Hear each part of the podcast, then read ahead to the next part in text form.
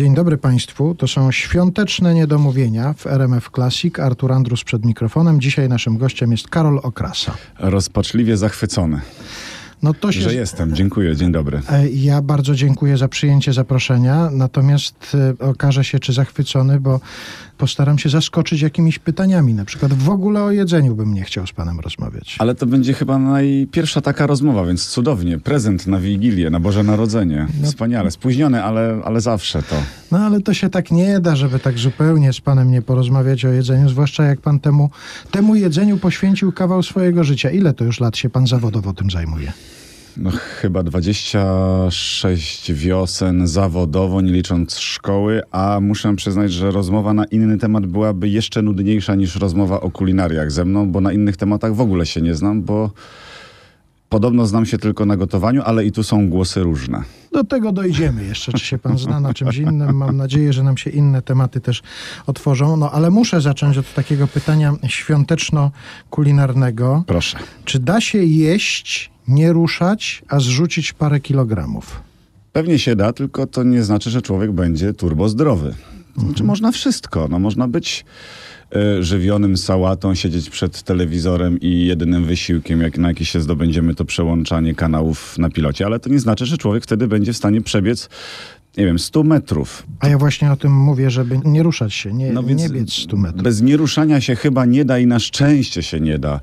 Ja to mówię nawet w kontekście swojej wątłej osoby, która nie jest może jakoś wybitnie wiarygodna pod kątem profesji, którą uprawiam, bo, bo jest to hasło, ja z nim się ciągle mierzę. Nigdy nie ufaj chudemu kucharzowi, więc miejmy to za sobą. Ja to powiedziałem. Nie da się nie ruszać, chociażby z tego powodu, że ten wysiłek fizyczny został umiejscowiony na dole piramidy żywienia jakiś czas temu, na szczęście, żeby wszyscy o tym wiedzieli. Czyli zdrowy tryb życia, czy też dieta z greckiego, czyli styl życia, uzależniony jest od tego, co jest u podstawy tej piramidy żywienia, czyli produktów, które powinniśmy spożywać w ciągu całego swojego życia czy dnia. I tam na dole jest wysiłek fizyczny. Na dole, czyli codzienny. Bo ja sobie tak pomyślałem, no patrząc na pana Nie chciałbym sam... burzyć świata jakiegoś pana. Nie, ale to nie, to było pytanie, to A, nie było stwierdzenie, że rozumiem. na pewno tak jest, ale tak sobie pomyślałem, sam pan to powiedział, chudy kucharz, pomyślałem, że musi być jakaś tajemnica, że pan musi czegoś dodawać do potraw takiego, że to nawet jak się tego zje dużo, to potem nie ma to znaczenia. Albo, że na przykład nie jem tego, co ugotuję. A na przykład siano, jak się doda. No tak, siano się doda, ale siano, no można się żywić sianem. Sałata też jest z botanicznego punktu widzenia siostrą siana, tylko że siano może tak nie sprawia przyjemności w jedzeniu. Siano pachnie. Y, spalona trawa też pachnie. Mówię o sianie cały czas, więc ona, ra, raczej spalone siano tak i, i ono rzeczywiście, o, ono nie tuczy. Można, ale to wtedy człowiek nie je, tylko wdycha. Bo aromat wędzonego, znaczy palonego siana, czyli to wędzenie, które ja bardzo często wykorzystuję w programie, chcę być dobrze zrozumiany. Ja tu mówię cały czas o rzeczach legalnych. Przyjemnych dla, e, dla oka, dla nosa i dla smaku też w jakimś sensie. Ale ja dlatego zapytałem o to siano. Nie tylko dlatego, że to sianko nam się pojawia na stołach wigilijnych, ale również dlatego, że gdzieś przeczytałem, że pan dodaje do, do różnych. Uwielbiam, no właśnie ja też o tym ciągle mówię. Chodzi o to, że ja w tych programach to sianko właśnie a, dodaję, dwa, że spalam. Ku wywołaniu tego dymnego, wędzonego aromatu, którym okrywam, czyli posypuję jak pieprzem, jak przyprawami kawałki mięsiwa czy ryb. Żeby nie zostało takie hasło, że Karol Okrasa w RMF Classic namawia do jedzenia siana, to tylko Państwa informujemy, że to jest tylko jeden z elementów tego żywienia, ale odpowiednio trzeba go umieć stosować. I można się tego nauczyć bez żadnego problemu. Jeszcze temat, myślę, że bardzo świąteczny. Muszę Pana o to zapytać. Jest coś takiego jak zupa grzybowa skarpia? Jest, znaczy w ogóle z, z, zupa grzybowa z różnymi dodatkami, skarpia, ale pan mnie teraz e, chce podejść? Nie, nie, nie, tylko Poważnie, też, tak? też tak poważnie, bo też przeczytałem w jakiejś rozmowie z panem, że pan coś takiego proponował. Zupa grzybowa skarpia. No więc ja proponowałem banalnie, bo odwoływałem się do klasyki kuchni wielkopolskiej, czyli do tak zwanej moczki, która to była potrawą robioną na Wigilię z e, wywaru z łbów karpich gotowanych i łączone to było z piernikiem. Bardzo pieprznym dawniej piernikiem, nie tym słodkim, ale tym wytrawnym. Więc postanowiłem wrócić do tradycji dawnej kuchni polskiej także, kiedy to ryby bardzo często były łączone z grzybami. Więc wydawało mi się, że zupa grzybowa z karpiem, czy też na wywarze z karpia, to dobry pomysł. No ale ja nie mogę powiedzieć, czy był dobry, bo to będzie samochwalstwo. No, ale, zrobiłem. Ale już, Zjedli, żyją. Już po tonie pana wypowiedzi słychać, że było dobre, tylko ja się zastanawiam, czy to wtedy jest bardziej grzybowa, czy bardziej rybna. Da się to jakoś zakwalifikować? Widzi pan, i teraz rozumiem, że nie będzie tak łatwo podczas tej rozmowy, to o czym pan mówił. Nie, nie wiem. Yy... A to zależy, jak dużo się karpia da. Albo inaczej, to zależy, jak dużo się grzybów da. Albo to zależy od tego, kto jest jak bardzo wrażliwy na aromat karpia.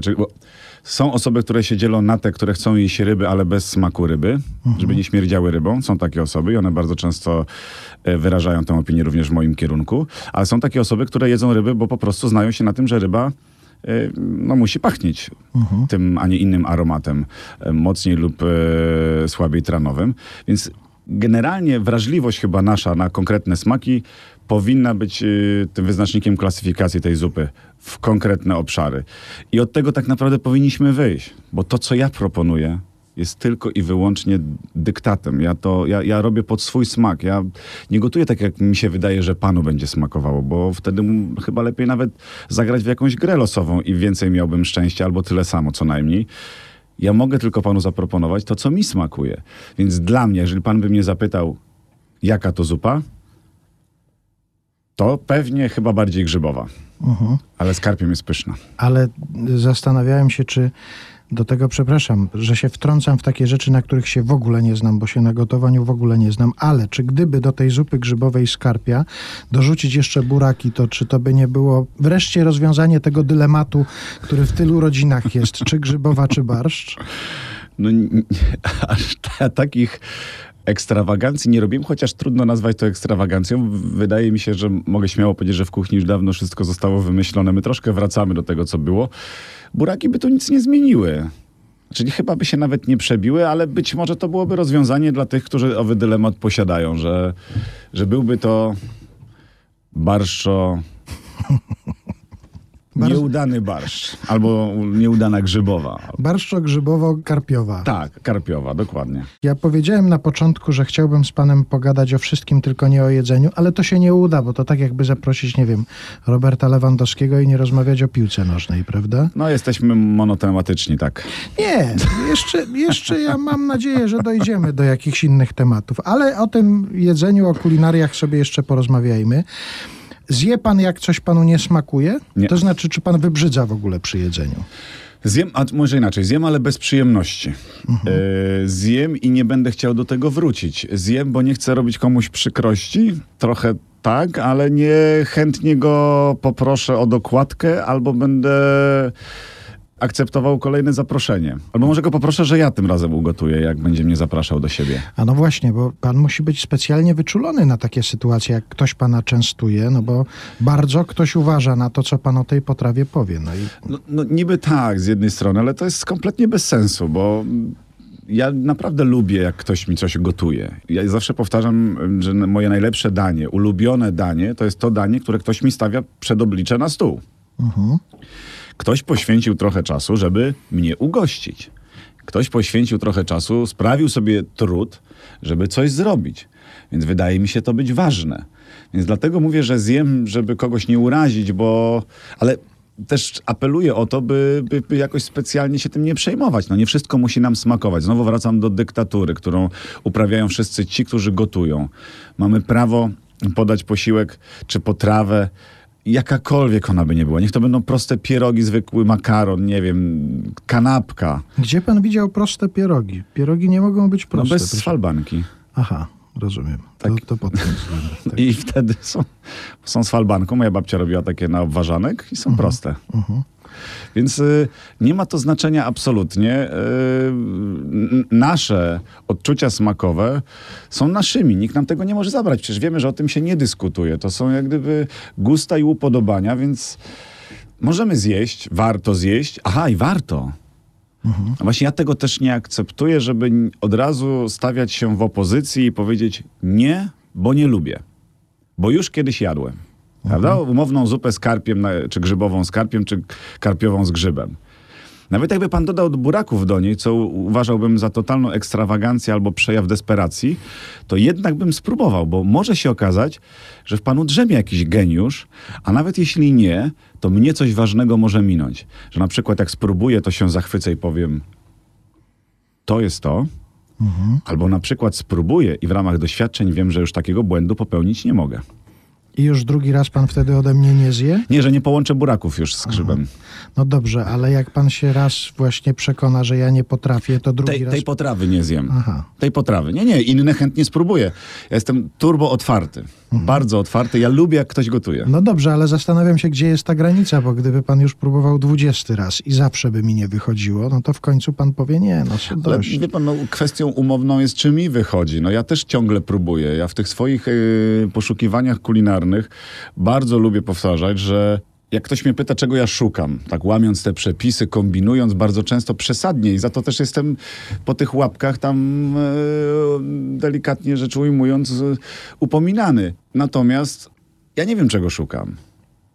Co więcej, mam nadzieję, że tego nigdy nie znajdę. I, i, I te dwa stwierdzenia, chociaż przeciwstawne, mi się podobają, bo to mnie pociąga w kuchni, żeby nie było tych barier.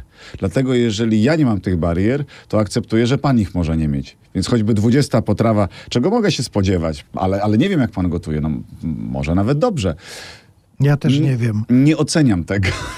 nie, nie oceniam tego, bo, bo to jest kompletnie bez sensu. No, kuch, my, my, ja zawsze o tym mówię też, że my dzisiaj posiłkujemy się historią, odtwarzamy przepisy, mamy jakąś bazę, mamy jakiś fundament, ale jednocześnie posługując się tymi faktami historycznymi, tworzymy dzisiaj historię na nowo. Być może. Znaczy taka też idea przyświeca wszystkim kucharzom, nie tylko mi, ale mam nadzieję, że mówię w imieniu wszystkich y, kolegów kucharzy. Chcemy, żeby coś po nas zostało kulinarnego, żeby jakaś myśl, jakaś potrawa, jakieś połączenie, nawet to słynne karpia z grzybami i burakami zostało na lata i ktoś kiedyś powie, że to się zadziało właśnie wtedy.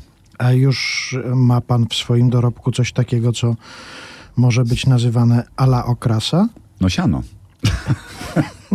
niestety nie mogę się tym za bardzo chwalić, bo to banalne, ale niestety, niestety na razie siano. No i to nie chodzi o kasę, też jest, jest kolejna tragedia. Karol Okrasa dzisiaj u nas w świątecznych niedomówieniach. Powiedział pan, że spróbuje pan, jak ktoś poda, że nawet jak nie będzie smakowało, no to grzecznie pan jakoś się postara w tej sytuacji zachować. A jak pan reaguje na taką sytuację? Zresztą chyba to nie jest taka rzadka sytuacja, kiedy ktoś podaje coś, co przygotował i od razu mówi, oj, tak mi nie wyszło dzisiaj, tak jakoś to za suche mi trochę, albo, albo tutaj się trochę wylewa, czy coś. To jak pan reaguje na coś takiego? No, z racji szacunku do twórcy, autora, no trzeba się z nim zgodzić. Tak, nie wyszło ci, tak? No, znaczy nie możemy jak gdyby przeciwstawiać się zdaniu kogoś, kto jest ważny i podaje nam to danie. Ale, i to jest sytuacja taka dosyć prosta do oceny. Trudniej jest, jak ktoś podaje danie i to danie rzeczywiście nie trafia w nasz gust, ale ten, który je przygotował, jest przekonany, że ono jest dobrze zrobione. I to jest trudniejsze zdarzenie, bo wtedy nie wiadomo, co powiedzieć. Kiedyś miałem takie poczucie pewnego fałszu w tym, co mówiłem, że jak to moja żona zawsze ładnie mówi, że taki słodko pierdzący. Że jak ktoś coś daje, to mi zawsze musi smakować, bo chcę być miły, więc nie powiem, że jest niedobre. Że, albo że mi nie smakuje, bo to jest też bardzo ważne, by tej granicy nie przekraczać. Niedobre, a mi nie smakuje. Dwie różne rzeczy. No ale wracając do tych oceny. No i postanowiłem, żeby jednak żona się mnie nie wstydziła i żeby już mnie nie upominała, że będę mówił prawdę. No ale prawdę raczej tak z klasą. Więc y, żeby nie urazić za mocno. I kiedyś próbowałem jakiegoś dania na jakimś festiwalu. To było dziesiąte, czy, czy piętnaste, czy dwudzieste, już nie pamiętam. To wszystko jest pomieszane, czyli jemy żurek przeplatany szarlotką, tortem z kremem maślanym, za chwilę jak, jakaś karkówka w majonezie, a później jeszcze coś. Więc jak gdyby naprawdę przy kolejnej potrawie człowiek już... Ale jakie to zdrowie trzeba mieć, żeby coś takiego... No, no, nie- nie, ma się na to zdrowia, to trzeba po prostu później odchorować, ale, ale chodzi o to, że człowiek nie jest w stanie tak za bardzo czuć, ale no, z racji uprawiania tego zawodu coś tam czuję. No i próbuję i mówię, nie no, pękło we mnie coś, powiem prawdę. Więc mówię do tych pań, które patrzą na mnie tymi maślanymi oczami, tak z dołu, że dodałbym odrobinkę soli. Powiedział, że niedobre. Ja mówię, nie, nie, tylko tam troszeczkę. Już próbuję ratować sytuację, że mama soliła dużo. W ogóle jako dzieci jedliśmy słone lizaki, że ja przyzwyczajeni jestem. Powiedział, że niedobre, koniec. Dyskusje się między tymi paniami zaczęły, bo, bo to ty robiłaś, a ja ci mówiłam, żeby mniej. Więc tragedia kompletna. Mówię, nie mogę tego więcej robić, bo to jest złe. Nawet takie sugestie są złe, chociaż prawdziwe. I wtedy wpadłem na genialny pomysł, czego nie chciałbym nigdy i apeluję do wszystkich, by tego nie używali. Dlatego to mówię tak oficjalnie, by więcej do mnie to nie wracało, że jak one mi tak dawały do spróbowania, to ja im patrzyłem w te oczy, cokolwiek bym nie czuł, czy więcej soli, czy mniej soli, czy pieprzu, mówię, nigdy w życiu czegoś takiego nie jadłem. I szybciutko się miksowałem. Tam była euforia przez jakieś 30 sekund, a później jak gdyby zaczynały się pytania, czyli jak. Czy to E, był komplement, czy wręcz przeciwnie? Tak jest, więc y, generalnie y, powinniśmy chyba uważać z tym, żeby upominać, więc nawet gospodarzowi, który mi to deklaruje, to albo się z nim zgadzam, albo mu mówię, że nigdy w życiu czegoś takiego nie jadłem, co jest prawdą. A wie pan, ja też zwróciłem uwagę na to parę razy, widząc takie różne kulinarne poczynania w telewizji. Zawsze na koniec jest degustacja. I Tak. nie wiem, nie trafiłem nigdy, żeby ktoś powiedział, u, nie smakuje. No więc to jest, to jest właśnie dziwne, że wszyscy oczekują, że ktoś to powie, no ale to, to by było rzeczywiście irracjonalne. No. Ja bardzo często o tym wspominam, że no co mam powiedzieć o tej potrawie. Czasami milknę. E, Ja mam taką metodę, że czasami jak, bo to nie jest tak, że one wszystkie spełniają moje oczekiwania, te kulinarne podróże moje i eksperymenty w świat kuchni, której świat nie widział, więc y, czasami po prostu milknę. I może tak jest lepiej. I taka cisza rozlegająca się po Wtedy skosztowaniu. wszystko wiadomo. tak, tak. jest dosyć Bardzo łatwo też można to zobaczyć w programie, na przykład jak gotuję i ekipa nie zbiega się, prawda, do, do potrawy, tylko się rozchodzą. Mhm. No, ja coś ugotowałem, a oni super jest stop. No i każdy tam, o to ja odniosę kamerę, o to ja pójdę sprawdzić, czy tam woda, czy herbatę zrobię i jakoś tak. Ale rzadko się to zdarza. Ale to wie pan, że to rzeczywiście ten zawód wymaga też pewnie mm, jakiegoś opracowania zestawu eufemizmów takich. No, na przykład, żeby powiedzieć zamiast, no tak nie do końca, to powiedzieć no, pracochłonna ta potrawa. Taka mm, skomplikowana, przekombinowana albo Dająca nadzieję na przyszłość. Tak, są takie perspektywy, które mają potencjał. Także świetnie pan to ujął, że na przykład w tym połączeniu buraków z karpiem i grzybów drzemie naprawdę duży potencjał. Widzę, że pan mi tego nie zapomni, że ja zaproponowałem połączenie buraków z grzybami, ale niewiele rzeczy jest mnie w życiu zaskoczyć. W życiu, jeszcze nigdy w życiu o czymś takim nie słyszałem. ja też nie, ale to nie znaczy, że nie powiem o tym. Jak pan wchodzi do restauracji jakiejś, takiej przypadkowej gdzieś po drodze, zauważa pan, że się panika zaczyna? Nie wiem, chyba panika nie. Znaczy, wydaje mi się, że taką mam buzię miłą, więc jakaś tam panika nie. No ale smak wyrobiony też i No tak, ale wszyscy też już chyba mają na tyle świadomość rozbudowaną, że, że gotują po swojemu. No ja mogę to ocenić. Taki przywilej gości. To też goście robią z moimi daniami. Ale pytają potem, podchodzi pani kelnerka i pyta, jak smakowało? Tak, tak, tak. Nader często. Czyli jakoś wtedy pan musi też odpowiedzieć delikatnie, subtelnie. No tak, ale ja stawiam zawsze na rzeczy, które wydają mi się być dla mnie smaczne, czyli inaczej. Są dwa modele jedzenia. Jest takie jedzenie codzienne, które ma być dla nas po prostu czystą, żywą, e, dziką przyjemnością. I jest jedzenie odświętne i można to śmiało porównać do, do wyjścia do teatru, prawda? Kiedy człowiek... E, szykuje się, ale nie wie na co i akceptuje to, co zobaczy, czego doświadczy. I to później ocenia. No i właśnie tak jest z jedzeniem, że czasami jesteśmy na kolacji, która jest kolacją dyktowaną, która jest kolacją ustawioną i my musimy się temu poddać, a czasami, czy też codziennie jemy to, na co my się decydujemy, więc wtedy też e, mniejsze ryzyko porażki. A co pan myśli o takich ludziach, którzy na pytanie, co byś zjadł, odpowiadają obojętnie? No bo że nie ma takiej potrawy. nie ma potrawy obojętnie. No bo to nie jest odpowiedź na pytanie. Ja wiem, no ale trochę jest odpowiedź, że Ale właściwie tylko- nie, nie ma dla nich znaczenia, co jedzą. Wierzy pan, wydaje, że są tacy wydaje ludzie? mi się, że ma. Nie chciałbym im udowadniać tego, ale wydaje mi się, że ma to znaczenie, co jedzą. I ja ich zawsze proszę, żeby jednak skusili się na to przynajmniej, co. Znaczy, obojętnie brzmieć może wtedy fajnie, kiedy człowiek jest gotowy się poddać Mhm. Władzy kucharza, czyli chce być zaskoczony. To jest taka gra trochę, czyli my mu zaczynamy dawać, czy też badać y, smak tego gościa, prezentując kolejne potrawy, prezentując kolejne rzeczy na talerzu. No i on wtedy zaczyna odkrywać przed nami swoje fanaberie kulinarne i możemy się gdzieś spotkać. Natomiast oczywiście chyba słabo jest, jak ktoś tak podchodzi do, do, do kwestii jedzenia e, zupełnie przelotnie i, i e, be- bezemocjonalnie, że obojętnie. Ktoś kiedyś mu da coś, że mu nie będzie obojętne, więc ja bym przestrzegał przed tym. Przed taką odpowiedzią. Tak.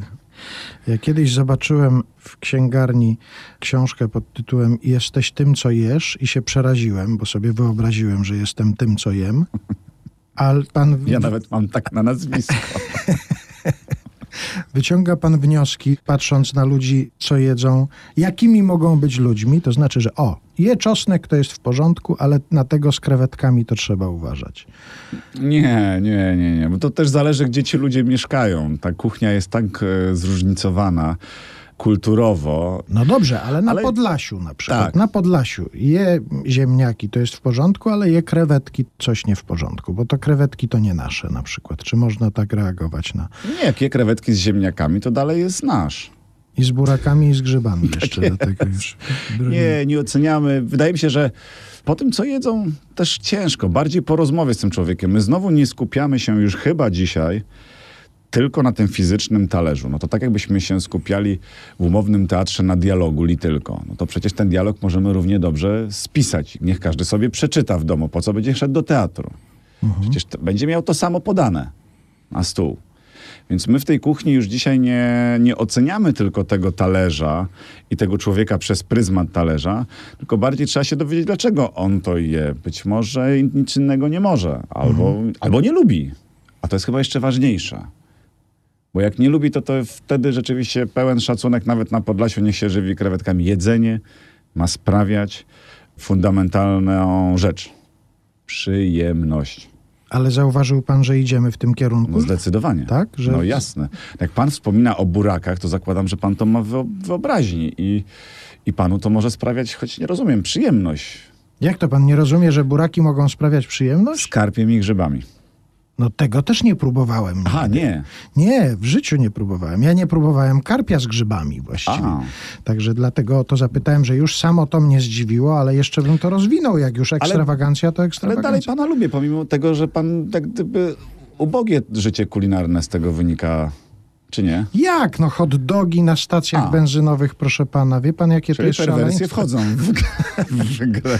Cudownie. Widzę, że pan lubi zaszaleć. Oczywiście, że tak, ale dlatego tak za, e, zareagowałem, zaprotestowałem, jak pan powiedział, proste pierogi, bo moim zdaniem pierogi nie są proste. No ale wytłumaczył mi pan, Tak, że tak. o falbankę chodzi. Tak, mogą być też jakby po prostu z ziemniakami. Wtedy też są proste. No to te są najlepsze właśnie. No, ale pytanie, czy z serem, czy bez? Z serem i z ziemniakami. Z ziemniakami i z serem. Bo to jest różnica. Pan powiedział z serem i z ziemniakami. A. Co by mogło znaczyć, że jest więcej sera niż ziemniaka. To, to jest podstawowa Tak. wersja i nigdy się nie zgodzę na to, żeby powiedzieć, że to są proste pierogi. No i jakby pan dodał, że z okrasą, ale... Ale kiedyś. oczywiście, no to się samo przez się Oczywiście. rozumie. Też na o. Jest taki okres w życiu człowieka, kiedy właściwie te takie kulinarne, gastronomiczne doznania, no to, to jest najbardziej ekstremalne przeżycie. Ja myślę tutaj o czasie studiów. Co pan jadł w czasie studiów? No to co student. To znaczy? Wszystko. Znaczy to, co było. Chociaż ja muszę powiedzieć, że miałem życie studenckie nieco inne. Ono było podzielone też na dwa światy. Ja już wtedy pracowałem. E, zatrudniony byłem w hotelu, jednym z warszawskich hoteli, wtedy bardzo dobrym hotelu.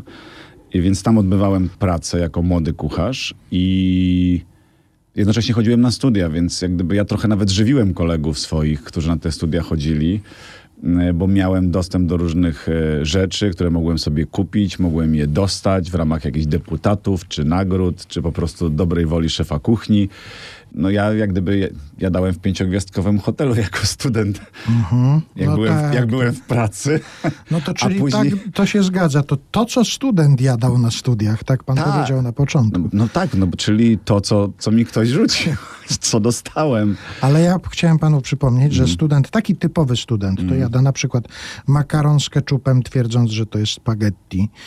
No, Makaron z, serem, z jajkiem i z serem smażony, no to to już jest wyższa szkoła jazdy. ale z żółtym trzeba- serem. No ja wiem, no ale to trzeba tego sera troszkę tam Troszkę jakoś... tak, no jednak. A tutaj jak się tylko ugotuje i się poleje tym keczupem, no to to już jest... Wie pan, no ja, ja może ze studiów to nie, ale z tych czasów y, jeszcze szkoły gastronomicznej, co by się wydawać mogło też już takim światem, którego... Ale wtedy było inaczej.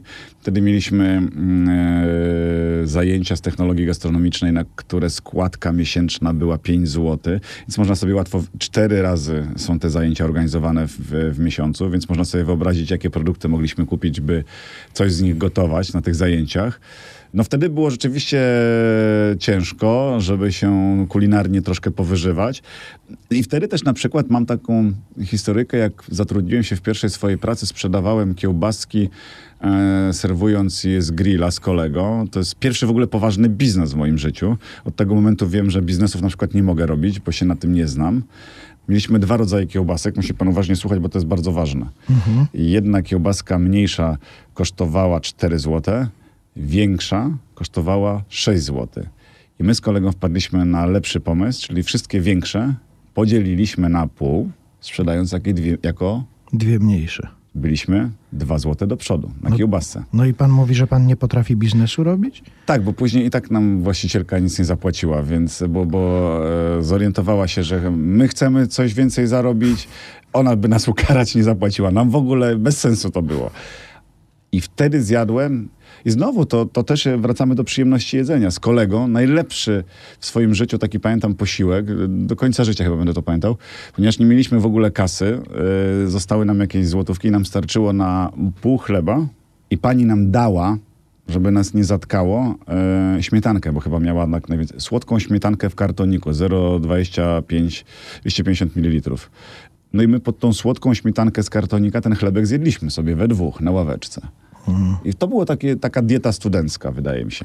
No to teraz mi pan ożywił wspomnienie kefir z bułką, czy bułka z kefirem. Ale to kefir z bułką smakuje dobrze. A jadł pan kiedyś chleb słodki ze słodką śmietanką? Znaczy chleb zwykły ze słodką śmietanką. Nie. No właśnie. Niech pan spróbuje, bo może, może to będzie właśnie... Bo to jest zbliżone do tych buraków, grzybów i karpia, jeśli chodzi o ekstrawagancję. Coś widzę, że, że się naraziłem tymi Nie, burakami. nie, już nie będę. Nie, dobrze, dobrze, no ale coś mi się wydaje, że pan jednak tego spróbuje, że to tak aż pana zaciekawiło, że, że te buraki gdzieś tam się może pojawią. Ale mogę. Bardzo proszę. Dobra, proszę bardzo. obiecuję. Jeszcze nawiązując do tego studenckiego czasu i jedzenia różnych rzeczy, jakie się w czasie studiów je, przypomniało mi się, jak Kazimierz Grześkowiak, piosenkarz, poeta, aktor, znany pewnie publiczności ze słynnego przeboju Chłop żywemu nie przepuści, też zamiłowany kucharz, opowiadał, że on w czasie studiów mieszkał z kolegą, który jeździł do domu i przywoził z domu tylko jedną rzecz. Worek cebuli przywoził co tydzień. I Kazimierz Grześkowiak na studiach miał ksywę 100 potraw z cebuli, ponieważ on z tej cebuli robił, to było jedyne co mógł i jedyne z czego mógł korzystać. Gdyby pan miał wybrać taką jedną rzecz, z której będzie pan robił 100 potraw, to co by to było? No cebula już jest zajęta Ty- dla Kazimierza Grześkowiaka. Szkoda, bo, bo, bo, bo można byłoby się pobawić, ale mi się wydaje, że każde ważne, no nie wiem, no niech będzie ziemniak. Ja się urodziłem na geograficznym Podlasiu, dawnym województwie podlaskim, Białopodlaskim. Niech będzie ten ziemniak, bo wydaje mi się i by uwiarygodnić możliwości stworzenia 100 czy więcej potraw ziemniaka, mogę przywołać z kolei słynną książkę Armii generała Hallera, która to książka zawierała właśnie 100 pomysłów na potrawy z ziemniaka, dzięki czemu owa armia, nie tylko ta, ale i część ludów, yy, przetrwała okres kryzysu, bo ziemniaki rzeczywiście ratowały. Więc wydaje mi się, że skoro oni dali radę sobie, to jesteśmy w stanie bez problemu z tego ziemniaka wyczarować 100 i więcej potraw. Na słodko także, bo trzeba pamiętać przecież, że ten ziemniak no, był takim substytutem podtrzymywania przy życiu wszelakiego pieczywa przy życiu, czyli żeby ono nie czerstwiało zbyt szybko, żeby było mięciutkie, żeby było wilgotne. Stąd też ten ziemniak bardzo często pojawiał się czy w chlebie, czy w ciastach. Myślałem, że pan zrobi mi przyjemność i powie o buraku, ale rozumiem, że to odłożyliśmy. Dla, dlatego z buraka nie, bo za bardzo absorbuje swoim kolorem. Jest czerwony. No i co z tego? Ja lubię niebieski. Ziemniaki niebieskie? Nie ja, ubieram się w niebieskie. Aha, rozumiem. Nie, nie pałam entuzjazmem do czerwonego. Rozumiem, rozumiem. Dobrze, to tak to tutaj zostawmy. Pan już wspomniał na początku, że są takie hasła, które się do kucharzy odnosi, typu tam, że nie wiesz chudemu kucharzowi, prawda? Jest jeszcze takie powiedzenie, nie gadaj przy jedzeniu. U pana to się nie sprawdza, bo to jest pana zawód, gadanie przy jedzeniu, czy właściwie przy przygotowywaniu jedzenia. A kiedy to się okazało, że pan będzie nie tylko gotował, ale i mówił o tym? E, To się okazało podczas zwykłego, prostego castingu, na który zostałem wypchnięty, wysłany. Nawet, dostałem, nawet ja dostałem polecenie służbowe A od kogo? od szefa kuchni, e, pana niejakiego Andrzeja, który mnie tam po prostu brutalnie e, wysłał. Ja wtedy byłem jakimś młodym kucharzem, więc jak szef kuchni, wtedy szefowie kuchni, nie chciałbym się tu nikomu narazić, ale takie bardzo cudowne czasy. Nie, nie królowało słowo mobbing, jak gdyby w relacjach międzyludzkich, szczególnie zawodowych. Więc y, jak szef kuchni coś kazał, to, to było polecenie niemalże wydane przez generała, więc trzeba było to po prostu wykonać. Ja nie byłem z tego specjalnie zachwycony. Nie wiem dlaczego, pewnie z nim trzeba byłoby porozmawiać, dlaczego akurat mnie, bo miał pewnie inne możliwości, no ale mnie tam wypchnął na ten casting, więc musiałem pójść. No tak, ale prawdopodobnie to nie wynikało z tego, że był pan najmniej no, rozmownym kucharzem na sali, na której on rządził. N- Nie wiem, może, może poszedł po linii pod tytułem najchudszy, najbrzydszy, a może właśnie, że tylko pójdzie, ja, może ktoś mu kazał, może on znał to hasło nigdy nie ufaj chudemu kucharzowi, może właśnie sobie myślał, że mi się raczej nie uda, no bo kto mi uwierzy, jak ja stanę i będę opowiadał. Ja byłem połowę chudszy wtedy.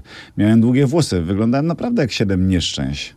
Teraz Teraz pan tak przybrał na wadze. Teraz, teraz mocno przybrałem, więc. Yy, no ale mnie wysłał, więc yy, trudno mi. Ja nigdy z nim o tym nie rozmawiałem i kiedyś być może to nastąpi. Ale rzeczywiście to jego zasługa, bo to, to się zaczęło dokładnie wtedy. To był prosty casting. Przyszła jedna z pań, późniejsza moja koleżanka Małgosia, porozmawiała z nim. On jej przerwał rozmowę. To jest relacja z obostronna, bo i on, i ona mi o tym opowiadali dokładnie w ten sam sposób, więc on w pewnym momencie, jak ona tak opowiadała, że tu mają taki. Pro... Wtedy też nie było do czego się odnieść. My nie wiedzieliśmy, co to jest program kulinarny. Znaczy wiedzieliśmy, że gdzieś są. U nas jeszcze to nie było, no poza Robertem Makłowiczem chyba i Carlosem Eduardo Gonzalesem Techerą, który gotował po polsku. Ciężko było znaleźć jakiś wzorzec, do którego można było się odnieść. No a pan Andrzej, przerywając rozmowę, jej powiedział stop, ja wiem, kogo pani szuka, y, ja pani tego człowieka dam i on ten casting wygra. Nie wiem, czy mówił poważnie, ale on mi to powiedział i ona, więc... A dla mnie to było mm, niestety tylko... Nie, Szukam jakiegoś ładniejszego słowa. Ale to, co się pojawia tam, gdzie nie powinno i to boli. To jest UFO na przykład. Tak, i, że nie możemy go dostać. Więc strasznie się z tym źle czułem, bo wiedziałem, że z jednej strony ciśnienie względem szefa kuchni, żeby nie podwiesić, no bo on mnie wysyła, on jest przekonany, że ja coś tam zrobię. A z drugiej strony musiałem iść w dniu wolnym od pracy na jeden casting, na drugi casting. Musiałem coś wymyślać. Na głowę znowu ciśnienie, a ja chciałem gotować. Chciałem pójść do siebie tam na kuchnię i być kucharzem. I się modlić, że mnie stamtąd nie wyrzucili. Ma pan nagrany ten swój pierwszy występ telewizyjny? Jest, niestety jest tak, tak, tak, tak, niestety tak. Kiedy pan to ostatnio oglądał? Na swoje 40 urodziny to był wspaniały prezent od kolegów. Jak się świat zmienia. Zmienia się moim zdaniem na lepsze, dzięki Bogu.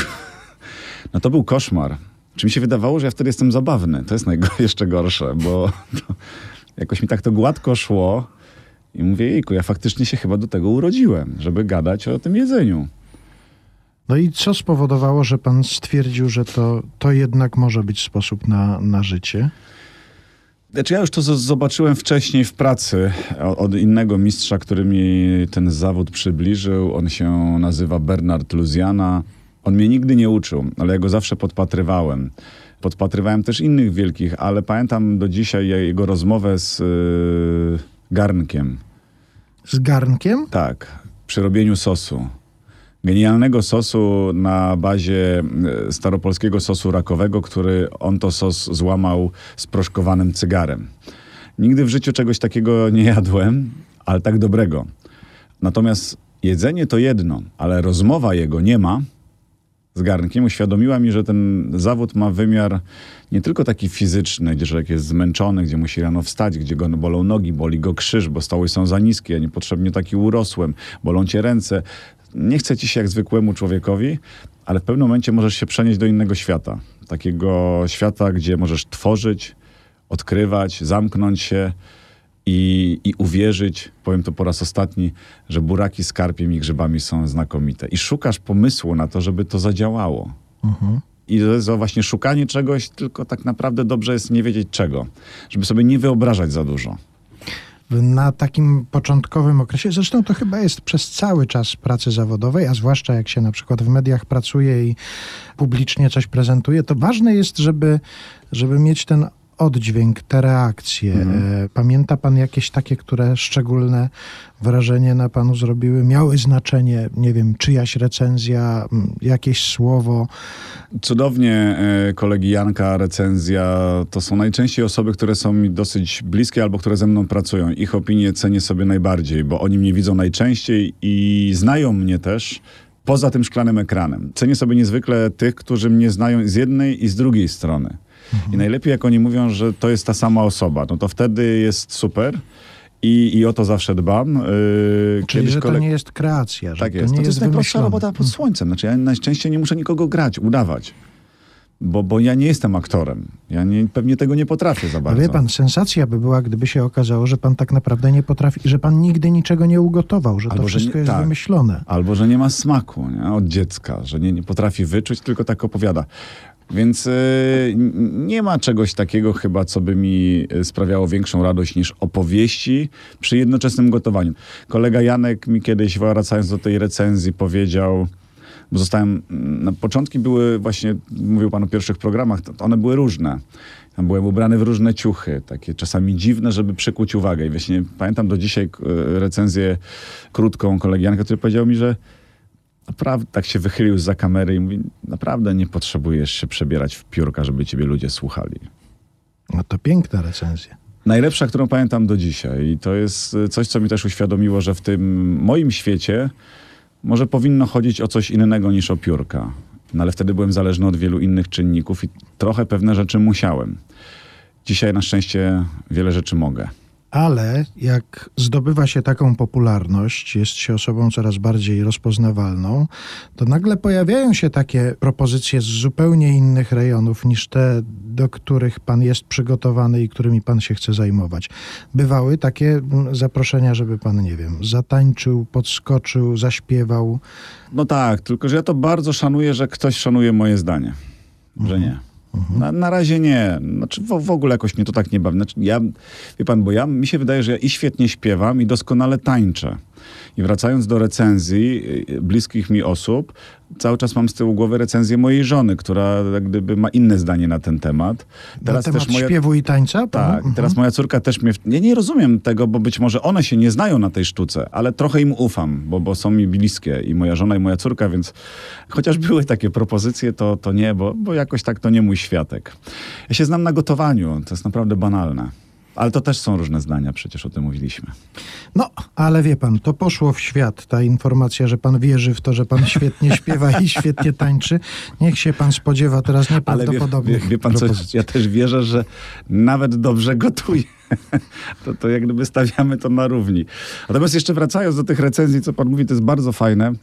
E, ostatnio miałem taką przygodę, że przyszła pani z dzieckiem, no i mówi, że zobacz, Stasiu, Stasiu, to jest pan Karol. I ten Stasiu tak na mnie patrzy i mówi, to ten pan żyje? Więc W ramach e, takiej fajnej recenzji uświadomiłem sobie, że to już cholera chyba albo długo robię, a może powinienem się dostosować do dzisiejszych czasów, albo zmienić jak gdyby sposób narracji. Moja babcia mnie na panu wykarmiła. O, dziękuję. Karol Okrasa dzisiaj u nas w Niedomówieniach w RMF Classic.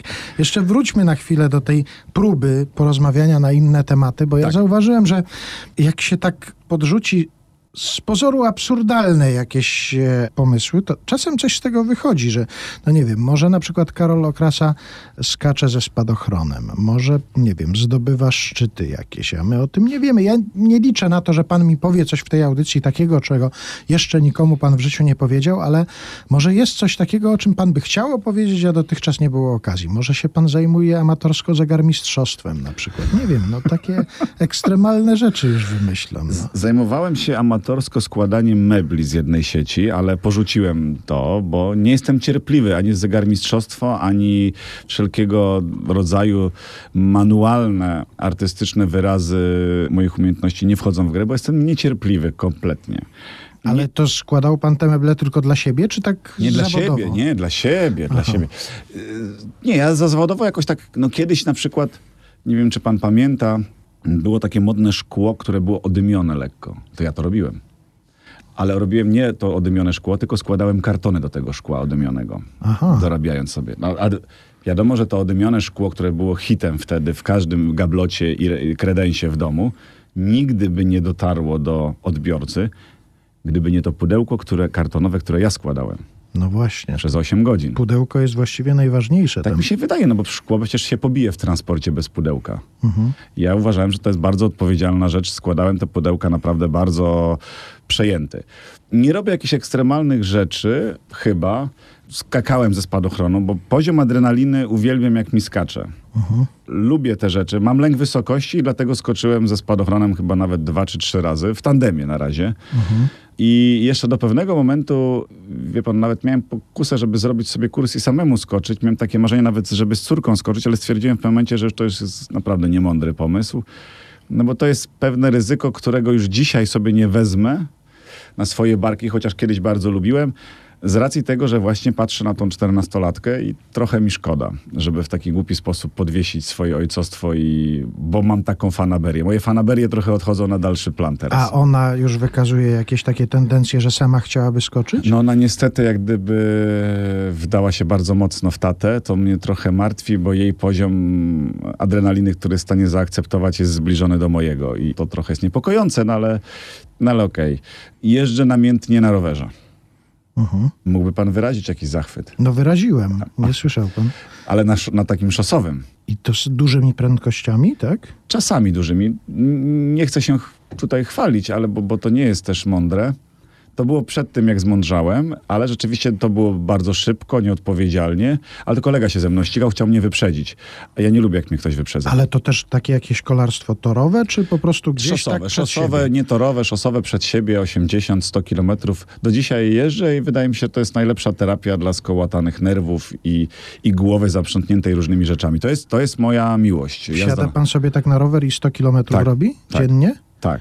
Mhm. No nie codziennie, bo nie mam na to czasu, bo to zajmuje jakieś 3-4 godzinki, ale, ale to jest coś, co niewątpliwie bardzo, bardzo kocham. No wszelkiego rodzaju jakieś sportowe rzeczy, ja oprócz tej pasji do gotowania całe życie chciałem się ruszać. Znaczy dla mnie fizyczne zmęczenie jest y, czymś, co mnie uspokaja i czymś, co powoduje, że reszta moich współpracowników chce ze mną dalej pracować i jest w stanie ze mną wytrzymać.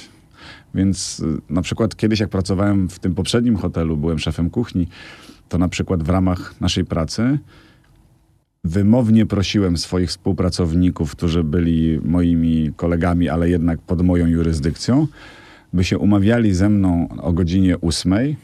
Szliśmy sobie na skłosza. Trzech ich jak zmordowałem, to wtedy szliśmy dopiero do pracy na godzinę 11, żeby mia miał odpowiedni poziom satysfakcji już na ten dzień. Dobrze, a oni mieli też poziom satysfakcji odpowiedni, czy to tylko chodziło o pana poziom satysfakcji? Nie mogę na wszystkie pytania odpowiadać szczerze w tej audycji. Wróciliśmy trochę do tego, od czego zaczęliśmy, bo pytałem, czy można jeść, nie ruszać się i zrzucić parę kilogramów. No a pan tutaj o tym ruchu cały czas jednak próbuje. No tak, znaczy to jest wpisane w mój genotyp, ale na przykład ja jestem też takim człowiekiem, jak zawsze moja żona mówi, złota rączka, czyli ja jestem fanatykiem kupowania sobie wszelkiego rodzaju niepotrzebnych w domu sprzętów, których użyję pewnie raz, ale chcę mieć. Bo jeżeli będę, ja nie lubię dawać komuś czegoś do naprawy w domu. Mhm. Więc jak się, nie wiem, zepsuje szafka, zawias w tej szafce, to ja najpierw muszę się dowiedzieć, oczywiście przez jakieś dwa dni studiując, dlaczego ten zawias się zepsuł, wszystkie materiały przeczytam. Później jestem przekonany, że go naprawię.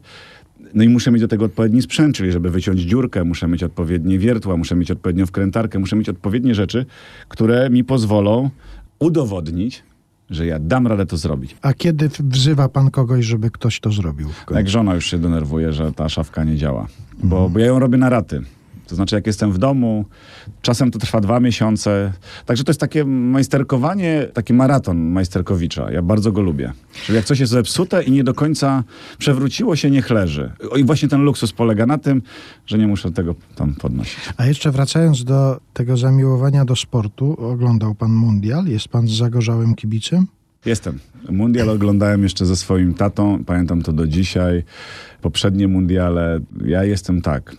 Bardzo zagorzałym kibicem, ekspresyjnie wydającym wszelkiego rodzaju powody radości czy smutku. Mhm. Ale to oczywiście, że mnie korci, żeby zapytać, Tak. czy jak Karol Okrasa ogląda transmisje meczowe, to tak jak 90% kibiców ma w zanadrzu coś niezdrowego do zjedzenia i do napicia się? Tak, tak, tak. Zupełnie jestem takim normalnym kibicem. Chociaż czasami bywają mecze, które sobie celebrujemy. Jeżeli są to ważne mecze, no to wtedy szykujemy sobie tak zwaną wyprawkę. Wie pan, wracam do tego, o czym wspominaliśmy wcześniej. Czasami jest to wyjście do teatru, a czasami codzienna, niezaburzona niczym przyjemność. A na tę przyjemność nie składają się umowne krewetki codziennie, o które, bo nawet one się nam znudzą.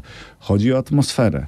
Chodzi o wpis. Rybka e, smażona nad morzem nigdzie indziej nam tak nie smakuje, jak nad tym morzem. Przywiezione uzo z e, Grecji, z wakacji, prawdopodobnie do dzisiaj w szafce stoi u wielu z nas, bo nikt nie ma ochoty po to sięgnąć, chociaż wydawało nam się, że to jest najlepszy trunek na świecie w palącym słońcu. No chyba, że się włączy grecką muzykę, podkręci ogrzewanie i wtedy, proszę bardzo, można i w takich I, zamknie oczy. Mhm.